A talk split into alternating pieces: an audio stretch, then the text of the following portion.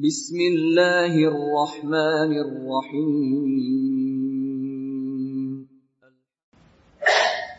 إن الحمد لله نحمده ونستعينه ونستغفره ونعوذ بالله من شرور أنفسنا ومن سيئات أعمالنا. من يهده الله فلا مضل له ومن يضلل فلا هادي له. أشهد أن لا إله إلا الله وحده لا شريك له وأشهد أن محمدا عبده ورسوله لا نبي بعده.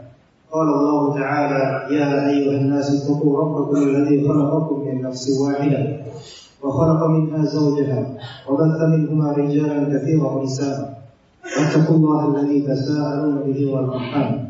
إن الله كان عليكم رقيبا. فإن أصدق الحديث كتاب الله وخير الهدي هدي محمد صلى الله عليه وسلم. وشر الأمور محدثاتها. وكل محدثة بدعة.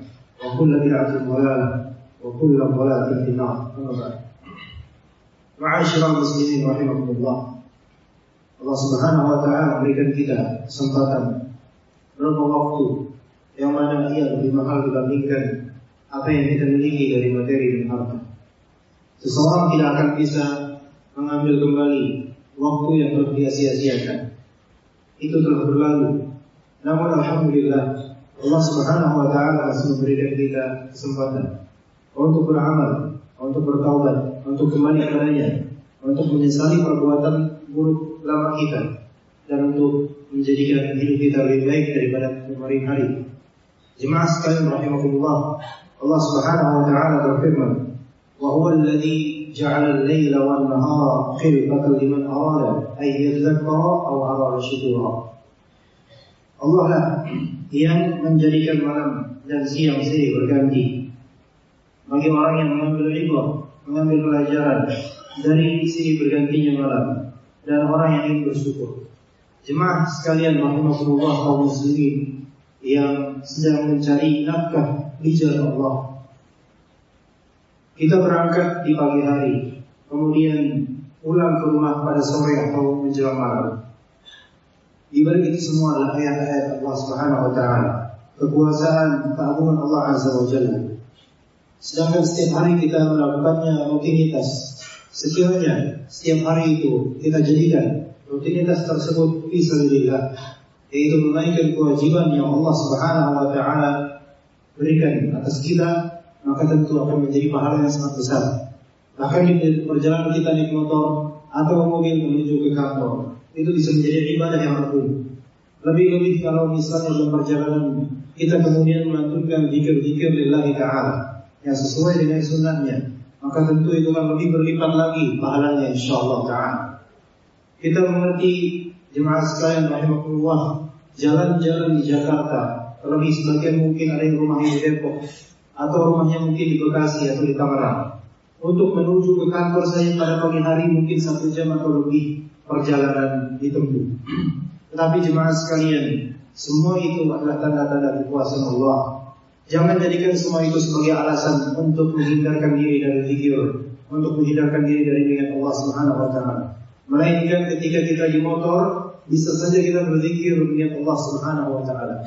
Bisa saja kita beristighfar, meminta ampunan kepada Allah Subhanahu wa taala. Bisa saja bahkan mungkin di antara kita yang memiliki program tahfidz, menghafal Al-Qur'an, menghafal 30 juz, ya kemudian di setiap pagi murajaah Ba'da subuh dia menghafal sekitar 5 atau 10 ayat. Kemudian dia ulang-ulang murojaah Atau sambil mendengarkan handphonenya Maka jauh itu lebih baik dibandingkan Kita hanya merasakan kehampaan ketika di perjalanan menuju ke kantor.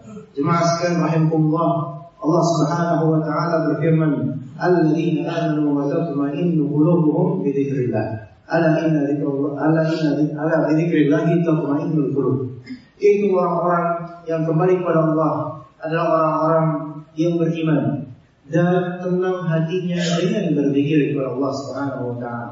Maka menenangkan kalbu ketika menghadapi kemacetan yang luar biasa. Lebih-lebih sekarang belakangan ini banyak sekali proyek-proyek perjalanan yang membuat banyaknya macetan dan panjangnya ia.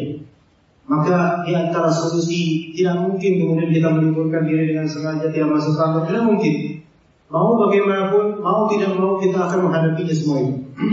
Tetapi isilah dengan zikir kepada Allah sehingga hati yang mungkin tadi dia memanas, dia menjadi tenang karena berzikir dan mengingat kepada Allah Azza wa Jalla.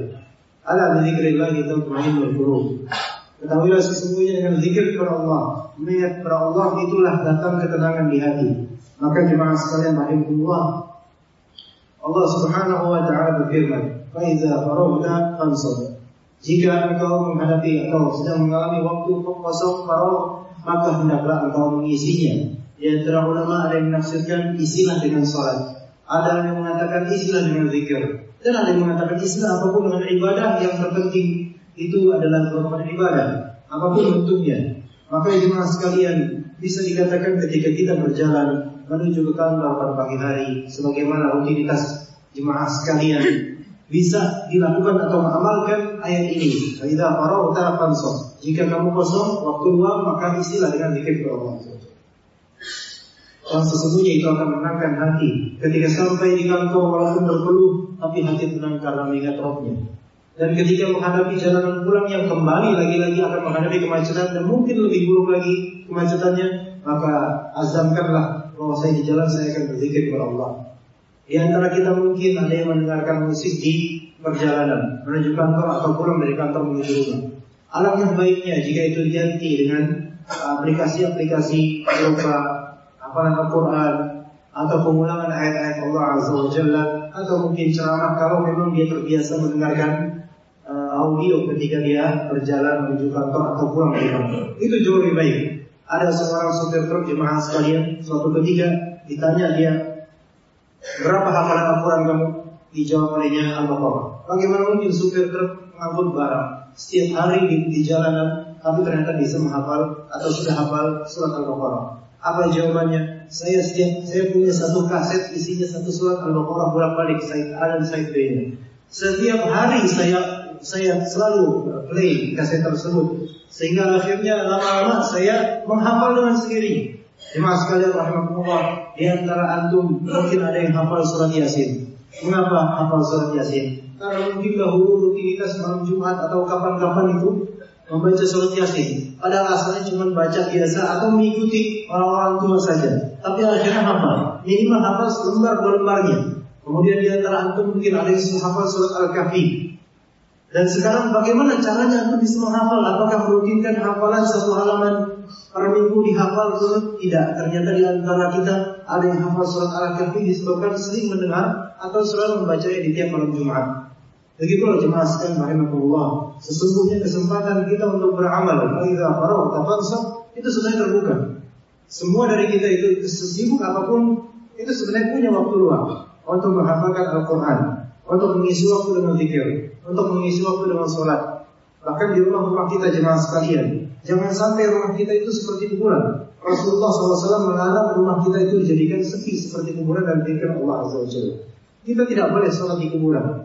Tetapi kita dianjurkan untuk sholat di rumah. Makanya Rasulullah SAW jika beliau SAW sholat sunnah maka beliau lebih utamakan sholat di rumah. Terutama sholat ba'di maghrib.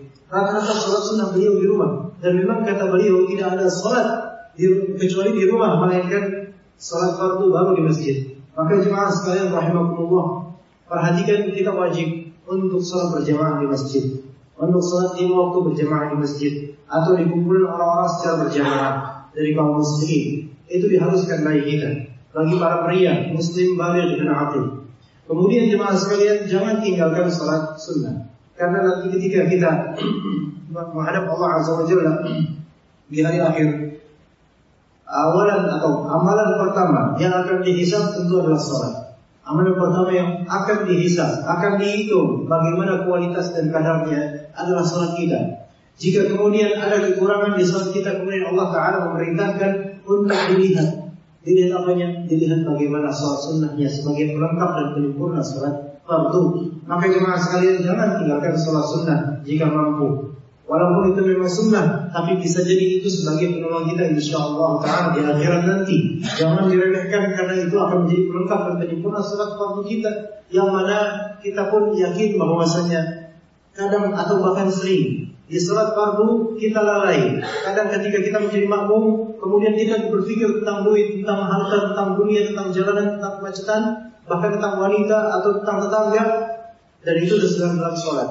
Itu kelalaian dalam sholat dan itu kerap terjadi pada pikiran kita.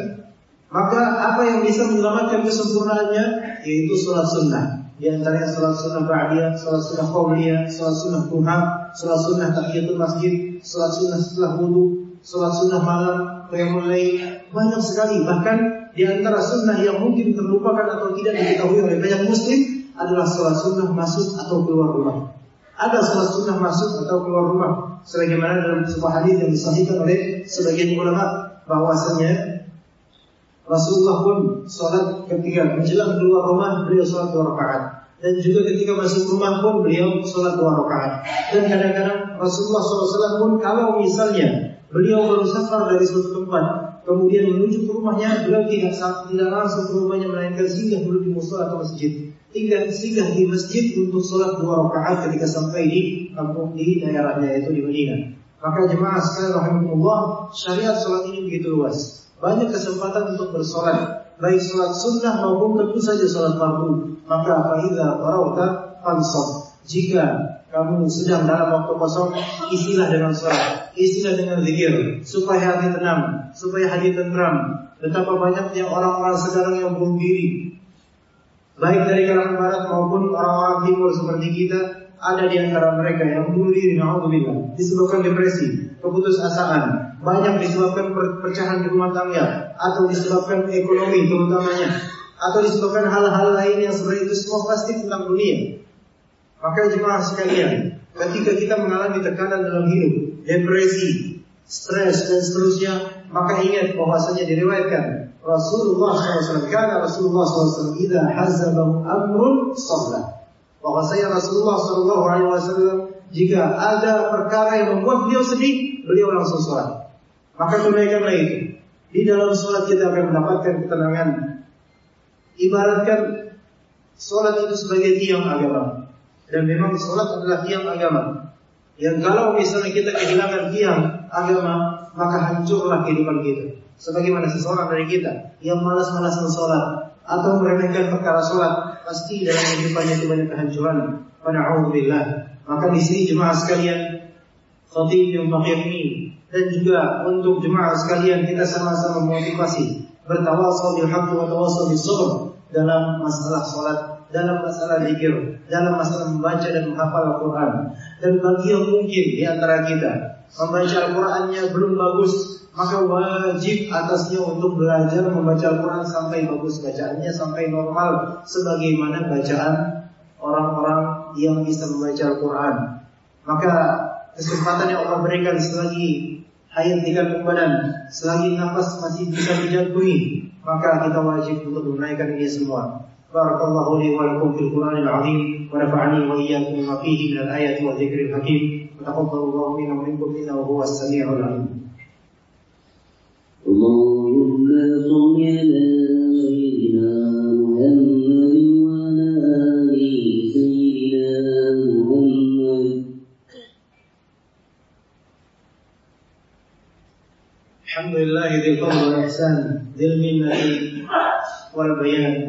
والسلام على من لا نبي بعده محمد وعلى آله وصحبه وسلم تسليما كثيرا معاشر المسلمين رحمكم الله Keberkahan hidup adalah sesuatu yang kita incar dan kita minta dari Allah Azza wa Jalla. Percuma jika seseorang memiliki gaji yang sangat tinggi, lebih tinggi dari keumuman orang-orang yang bergaul menggawai di kantornya.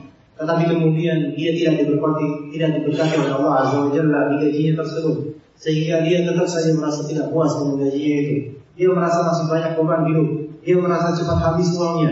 Maka jemaah sekalian, ketika kita bekerja, ketika kita berkarya, Ketika kita berdagang, berniaga, maka carilah yang paling utama keberkahan, bukan hanya mencari kekayaan. Pun kalau misalnya kita mencari kekayaan, jadilah orang yang seperti Abu Bakar, jadilah orang yang seperti Uthman bin Affan, jadilah orang yang seperti para sahabat Nabi, para saudagar kaya seperti Abdurrahman bin Auf, yang mana mereka itu tidak rakus dan tidak tamak dengan harta mereka melainkan mereka sering berbagi kepada kaum muslimin. Jadilah seperti Rasulullah Sallallahu Alaihi Wasallam yang mana beliau selalu menganjurkan kaum muslimin untuk sering-sering dan rajin bersedekah. Bahkan kata Rasulullah SAW, Ittaqun nar walau bisyaqqi tamrah. Takutlah atau jauhilah, bentinilah diri kalian dari neraka walaupun dengan sebatang kurma. Artinya jemaah sekalian, sedekah yang kecil namun benar-benar ikhlas itu insya Allah akan menjadi berkah buat pemilik sedekah tersebut dan berkah buat orang yang disedekahi. Ada kalanya kita menyedekahi orang, tapi kita kurang ikhlas. Kemudian orang yang kita sedekahi itu pun merasakan ketidakikhlasan sedekah kita. Pada Allah, maka jemaah sekalian beramallah dengan ikhlas, beramallah dengan baik dan jika ingin kita ingin untuk diluaskan rezekinya, dilapangkan rezekinya, dan diberkahi umurnya, maka ingatlah sabda Nabi SAW dan amalkan ini. Kata Rasulullah SAW, Man sarrahu an yubsatalahu fi rizqihi wa yusa'alahu fi atharihi falyasil rahimah. Barang siapa di antara kalian yang ingin untuk dilapangkan rezekinya, itu dilapangkan pekerjaannya, dilapangkan rezekinya, rezekinya banyak. Rezeki itu pun tidak mesti, tidak mesti berupa gaji, tidak mesti berupa uang. Banyak hal-hal mungkin material atau maknawi yang bisa kita dapatkan dan itu rezeki. Keimanan Anda adalah rezeki. Kepercayaan Anda kepada Allah, tawakal Anda kepada Allah adalah rezeki. Ilmu yang bermanfaat, yang benar, yang sahih itu adalah rezeki dari Allah Subhanahu wa taala. Banyak rezeki itu. Maka barang siapa yang ingin mendapatkan rezeki begitu luas, begitu lapangnya dan juga wa yunsa'alahu fi dan juga supaya Allah Subhanahu wa taala memberkati umur kita. Memberkati umur kita seolah-olah umur kita panjang sekali, bahkan sampai wafat pun masih terngiang di benak orang nama-nama kita untuk mengenangnya. Maka apa? Maka apa kuncinya? Fal yasil rahimah. Maka hendaklah silaturahim. Hendaklah sambung tali rahim Anda kepada saudara-saudara dan kerabat Anda yang terdekat. Yang kita maksud di sini rahim, silaturahim itu kepada kerabat, bukan kepada teman yang tidak ada hubungan kekerabatan sama sekali, atau kepada rekan kerja.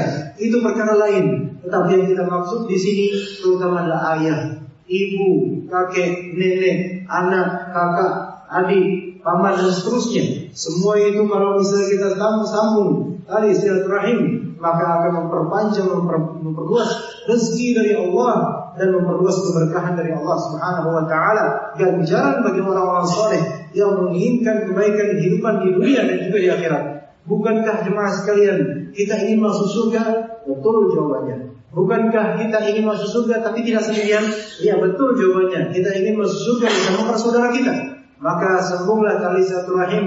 Ada di antara kita yang ingin saudara benar, maka nasihatilah dia, datangi rumahnya, berikan hadiah, berikan oleh-oleh, kemudian sejumlah kepada mereka salami, yang kemudian mungkin setelah itu akan tertawar hati mereka, tertawan hati mereka, kemudian mereka mengikuti kebenaran sebagaimana kita alhamdulillah Allah rezekikan mengikuti kebenaran. Mungkin di antara kita ada yang memiliki saudara non muslim yang belum Allah taala beri hidayah mungkin.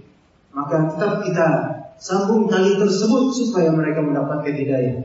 Dan kita memohon kepada Allah Subhanahu wa taala semoga Allah Subhanahu wa taala menetapkan hidayah dan kekokohan iman di hati kita dan di hati keluarga kita, di hati saudara-saudara kita dan semoga Allah Subhanahu wa taala menjadikan kaum muslimin bersatu di atas akidah yang benar, di atas sunnah nabawiyah yang suci. Allahumma inna nas'aluka bi annaka la ilaha illa anta al-mannan badi'us samawati wal ard ya hayyu ya qayyum يا ذا الجلال والإكرام إنك أنت السميع العليم. اللهم اغفر للمسلمين والمسلمات والمؤمنين والمؤمنات الأحياء منهم والأموات. إنك سميع قريب مجيب الدعوات. ربنا لا تزغ قلوبنا بعد إذ هديتنا. وهب لنا من لدنك رحمة إنك أنت الوهاب. اللهم أعز الإسلام والمسلمين وأذل الشرك والمشركين ودمر أعداءك أعداء الدين. إنك أنت العزيز الحكيم. إنك على كل شيء قدير. ربنا آتنا في الدنيا حسنة وفي الآخرة حسنة وقنا عذاب النار. عباد الله إن الله يأمركم بالعدل والإحسان وإيتاء ذي القربى وينهى عن الفحشاء والمنكر والبغي يعظكم لعلكم تذكرون. فاذكروا الله يذكركم واشكروا على نعمه يزدكم ولذكر الله أكبر.